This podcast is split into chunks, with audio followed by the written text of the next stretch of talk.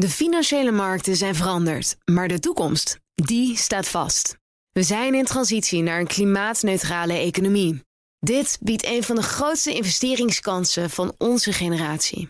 Een kans voor u om mee te groeien met de klimaatoplossingen van morgen. Meer weten?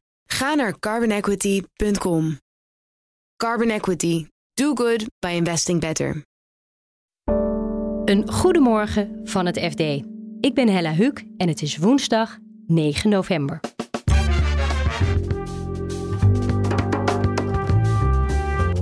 De VVD zet de premier in om de spreidingswet door de fractie te krijgen. Dit is echt wel heel zwaar. Ze hebben de premier hierheen moeten halen, omdat alleen met dat gewicht de kritische fractieleden overtuigd konden worden. Een Duits chipbedrijf wil zijn fabriek verkopen aan Chinezen. Maar daar steekt de minister een stokje voor. Uh, omdat het een, ja, wordt gerekend, de chipindustrie, halfgeleiderindustrie wordt gerekend tot uh, de kritieke infrastructuur voor Duitsland. En er dreigt een tekort aan drinkwater te ontstaan. En dat geeft landen met genoeg water veel macht. Ja, waarbij landen ook, als ze kwaad zouden willen, op een gegeven moment de watertoevoer naar uh, landen stroomafwaarts kunnen afknijpen. En dat zouden kunnen inzetten bij een conflict om hun zin te krijgen. Dit is de dagkoers van het FD. De VVD-fractie steunt de wet om asielzoekers over het land te spreiden. Premier Mark Rutte moest een bezoek brengen aan de fractie om ze daarvan te overtuigen. Politiek verslaggever Cor de Hoorde vertelt eerst wat de spreidingswet precies inhoudt. Komt erop neer dat het kabinet dat het recht krijgt om gemeenten te overvleugelen die niet willen meewerken aan het openen van opvanglocaties voor asielzoekers. Dat betekent dus dat je de lokale democratie eh, opzij schuift ten faveur van de, eh, de nationale eh, parlementen. Ja, en daarom werd hij ook wel de dwangwet genoemd, geloof ik, hè? Ja, de tegenstanders hebben het liever over de dwangwet en de voorstanders over de spreidingswet. Dat is het hele idee, dat je het spreidt en de voorstanders zeggen het eerlijk spreidt over heel, alle gemeenten. Want ja, je hebt wel van die kaartjes misschien gezien met eh, welke gemeentes doen wat.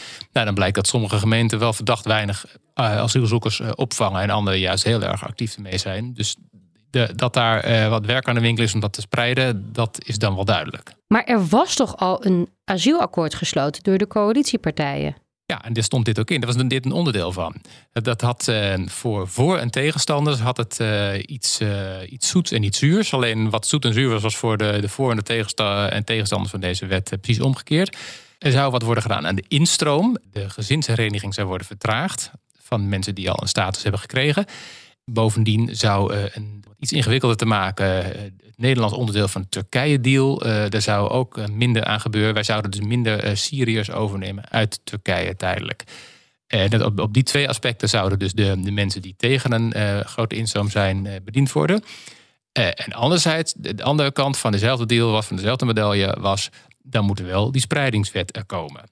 Goed, dat was in augustus zo bekokstoofd. Uh, nou, toen is dat een beetje technisch uitgewerkt. Uh, dus je zou nu zeggen, nu uh, moet iedereen tekenen bij het kruisje. Alleen de VVD kreeg op het laatste moment koud watervrees... omdat er vlak voordat er binnen de fractie over moet worden gestemd...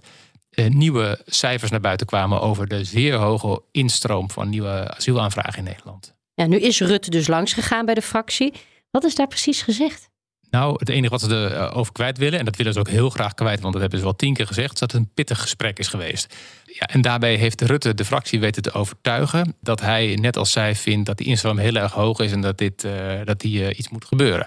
Ja, dan ga je vragen, wat moet er dan gebeuren en wanneer? Nou, en daarover heeft niemand iets gezegd. Rutte niet, uh, fractievoorzitter Hermans niet. Um, en de andere aanwezigen bij die vergadering, dus alle VVD-fractieleden, al helemaal niemand, die hield hun mond stijf dicht. Komt het nou vaker voor dat een premier naar zijn fractie komt om de leden persoonlijk te overtuigen?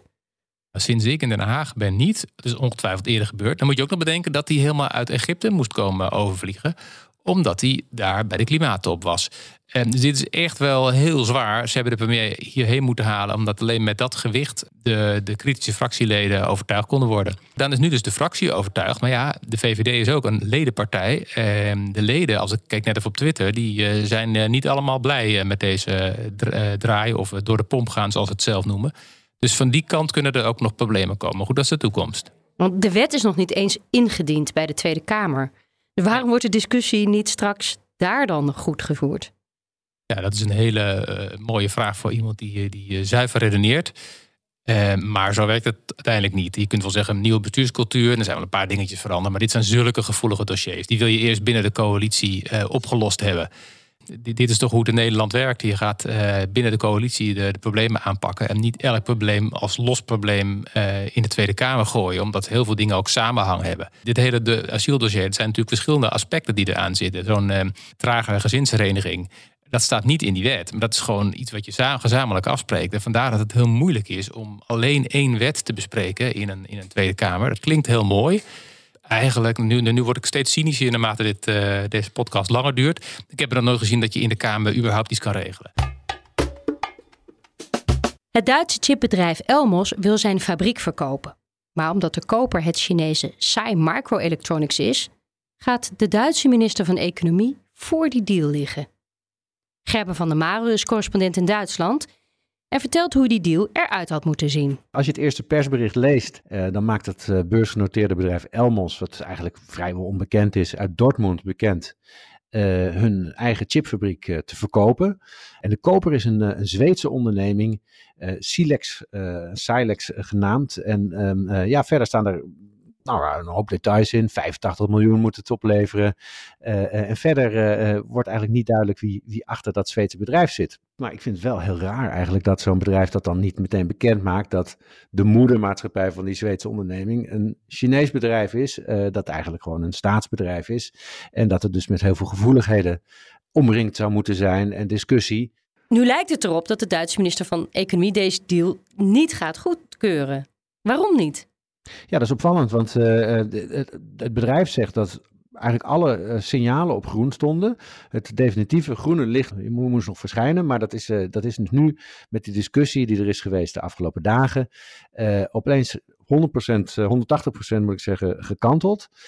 nu lijkt het erop dat inderdaad de Duitse regering daar nee op gaat zeggen. geen goedkeuring gaat geven voor, voor deze verkoop, omdat het een ja, wordt gerekend, de chipindustrie, halfgeleiderindustrie wordt gerekend tot uh, de kritieke infrastructuur voor Duitsland. Uh, gevoelige bedrijfstak. Uh, en je ziet daar dat, dat het panelen aan het schuiven zijn. En ja, dat eigenlijk wereldwijd, hè, in de westerse wereld, er met argusogen gekeken wordt naar die, die Chinese participaties. en dat deze deal toch gaat sneuvelen. Het is de tweede discussie in korte tijd over Chinese inmenging in Duitsland. Want eerder wilde een Chinees bedrijf ook een belang in de Hamburgse haven. Is dat dan niet kritiek? Zeker is dat ook kritiek. En ehm, eh, ja, dat, dat kennen we natuurlijk. Hè. Rotterdam heeft ook een uh, terminal die deels uh, Chinees is. en de haven in, in, een van de havens in Griekenland is zelfs compleet Chinees. en dit betreft een terminal, eigenlijk een kleine terminal in, in Hamburg. Waar een, een Chinese staatsrederij Costco een belang in wil nemen. Uh, en daar heeft de Duitse politiek uh, na een hoop gedoe en een hoop discussie en zes ministeries, eigen ministeries van, uh, van deze regering, die hebben eigenlijk ja, gezegd dat moeten we niet doen. En de kanselarij, Olaf Scholz, heeft gezegd ik wil het wel gewoon toestaan in aanloop naar mijn bezoek aan China. en daar is een compromis gevonden in de zin dat, het, dat de deelneming wordt toegestaan, maar alleen als het minder dan 25% wordt. Ja, je stipt het net al even aan, want bondskanselier Scholz die bezocht China het afgelopen weekend met de leiders van de grootste bedrijven in zijn kielzog. Er was heel veel kritiek op, maar hoe wordt er nu in Duitsland op teruggekeken op dat bezoek? Ja, met dubbele gevoelens. Uh, uh, hij heeft de mensenrechten situatie uh, aangesproken. hij heeft eigenlijk ook het streven van China naar zelfvoorziening aangesproken. Want daar daar komt het natuurlijk allemaal uit voort. Hè, dat China eigenlijk die technologie, cynisch gezegd, uh, ze willen het stelen van, van Europa en het, uh, en het opnieuw nabouwen in eigen land. Uh, dus wat dat betreft heeft hij wel punten gescoord. En ehm, ja, heeft hij wat minder die knieval gemaakt. Hè, want zo werd het een beetje van tevoren gezien. Van kijk, die, die, die Xi Jinping heeft net zijn macht verstevigd. en dan komt zo'n westerse leider daar zijn, zijn ring kussen. Dat is stevige kritiek, maar daar heeft hij ook wel wat mee gedaan. Maar ja, nu is hij weer thuis sinds het weekend. Uh, en uh, ja, komen er toch weer nieuwe affaires uh, boven en nieuwe kwesties. En je ziet gewoon dat de spanning in de wereld erg groot is. En dat ook wat betreft China, um, Europa ook onder druk staat natuurlijk van de Verenigde Staten om kritischer te zijn als het gaat om dit soort overnames en dit soort participaties. ja, en het bewaken eigenlijk van onze eigen infrastructuur en onze technologie. Water is al eeuwenlang een bron van conflicten. En dat zal de komende jaren gaan toenemen nu drinkwater schaarser wordt. Algemeen verslaggever Jean Domer vertelt hoeveel mensen nu al te maken hebben met een watertekort. Nou, dat hangt een beetje vanaf welke definitie je hanteert. Maar je hebt het al gauw over 2 miljard mensen op aarde. Nou ja, het uh, probleem is eigenlijk dat dat aantal uh, als gevolg van nou ja, de sterke bevolkingsgroei en ook klimaatverandering gaat oplopen de komende tijd. Waar zijn de problemen het grootst? Kijk, vroeger eigenlijk hadden wij altijd het beeld, hè, dan denken we aan de Sahara, we denken misschien aan het Midden-Oosten. Het is ook Amerikaanse denktank heeft uh, het oudste uh, gedocumenteerde waterconflict op aarde gezocht. En dat vonden ze in het zuiden van Irak, 2500 jaar voor het begin van onze jaartelling. Nou ja, het zal je niet verbazen dat ook in het Midden-Oosten de problemen nog heel groot zijn. Tel daarbij op uh, de landen van de Sahel. Maar uh, ja, niet alleen daar. Kijk naar Nederland. We hebben natuurlijk afgelopen zomer uh, flinke watertekorten gehad echt last gehad van droogte. Met een sproeiverbod, een uh, verbod voor uh, boeren, ook in het oosten van het land, in de Veluwe om water op te pompen. En zelfs in, nou ja, in, Frankrijk zagen we zelfs iets van wat je watergeweld zou kunnen noemen, al is het een groot woord. Maar daar werden de jacuzzis van rijke Fransen in de Vogese lek gestoken. Nou de mensen die daar het slachtoffer van waren, die vonden een briefje bij hun lek gestoken jacuzzi met de tekst L'eau c'est fait pour boire, water is om te drinken en niet om in te luieren met een glas champagne. Ja, dat betekent dus dat er echt conflicten kunnen ontstaan door watertekort. Waar acht je die kans het grootst? Uh, lange lopende conflicten zien we in de Sahel, bijvoorbeeld in een land als uh, Mali. In het land ook in Nigeria trouwens speelt dat. zijn veel uh, boeren die op hun land werken, die hebben water nodig. Herders die rondtrekken met hun kuddes, die hebben dat water ook nodig. En je ziet op het moment dat er een tekort ontstaat, dan clashen die twee groepen. Dat is eigenlijk een, een economisch conflict, kun je zeggen. Uh, wel heel bloedig. Het is natuurlijk niet de enige reden waarom die mensen met elkaar in conflict komen. Je ziet dat daar ook vaak religieuze verschillen, etnische verschillen een rol spelen. Dat is de ene categorie die duidelijk opspeelt. De tweede die je ziet is dat er de afgelopen decennia in toenemende mate uh, grote uh, dammen worden gebouwd. Dat is onder andere het geval in China, dat is ook zo in India, is daar ook mee bezig. de Nijl stroom door Afrika is een, uh, nou, een levensader voor, voor veel landen daar. Uh, Ethiopië heeft uh, de grote Ethiopische Renaissance-dam gebouwd in de Blauwe Nijl, op een steenworp afstand bijna van de grens met Soudaan. En ja, je ziet dat daarover echt de afgelopen jaren de spanningen groot waren. Er werd ook op het moment gevreesd van, ja, zou dat niet kunnen leiden tot de nou ja, een Egyptische aanval misschien wel op die dam. Nou, zover is het niet gekomen. Maar je ziet, en je mag ook eigenlijk aannemen dat naarmate die watertekorten gaan toenemen, dat dat in toenemende mate voor spanningen gaat zorgen. Maar wat kan er aan gedaan worden, denk je? Want ja, je kan ook zeggen, elk land heeft het recht om zijn eigen dam te bouwen. Het enige wat je eigenlijk kan doen is, is overleggen. Het gaat, hè, een van de probleemmomenten is echt het vullen van het, uh, het reservoir achter zo'n dam. Dat betekent dat je inderdaad minder water doorlaat. Maar je moet ook uh, goede afspraken maken over de verdeling van water als, het, als er minder van beschikbaar is.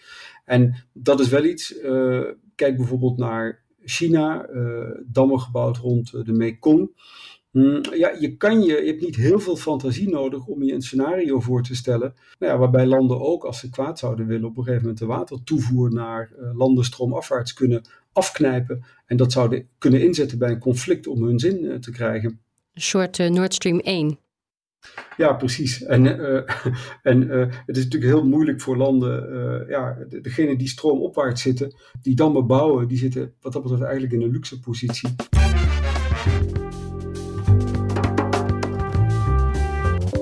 Dit was de dagkoers van het FD. Je vindt ons elke ochtend in je favoriete podcast-app.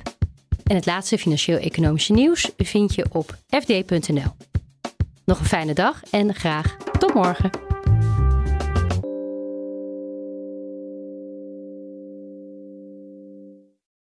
De financiële markten zijn veranderd, maar de toekomst, die staat vast. We zijn in transitie naar een klimaatneutrale economie. Dit biedt een van de grootste investeringskansen van onze generatie. Een kans voor u om mee te groeien met de klimaatoplossingen van morgen. Meer weten? Ga naar carbonequity.com. Carbon Equity. Do good by investing better.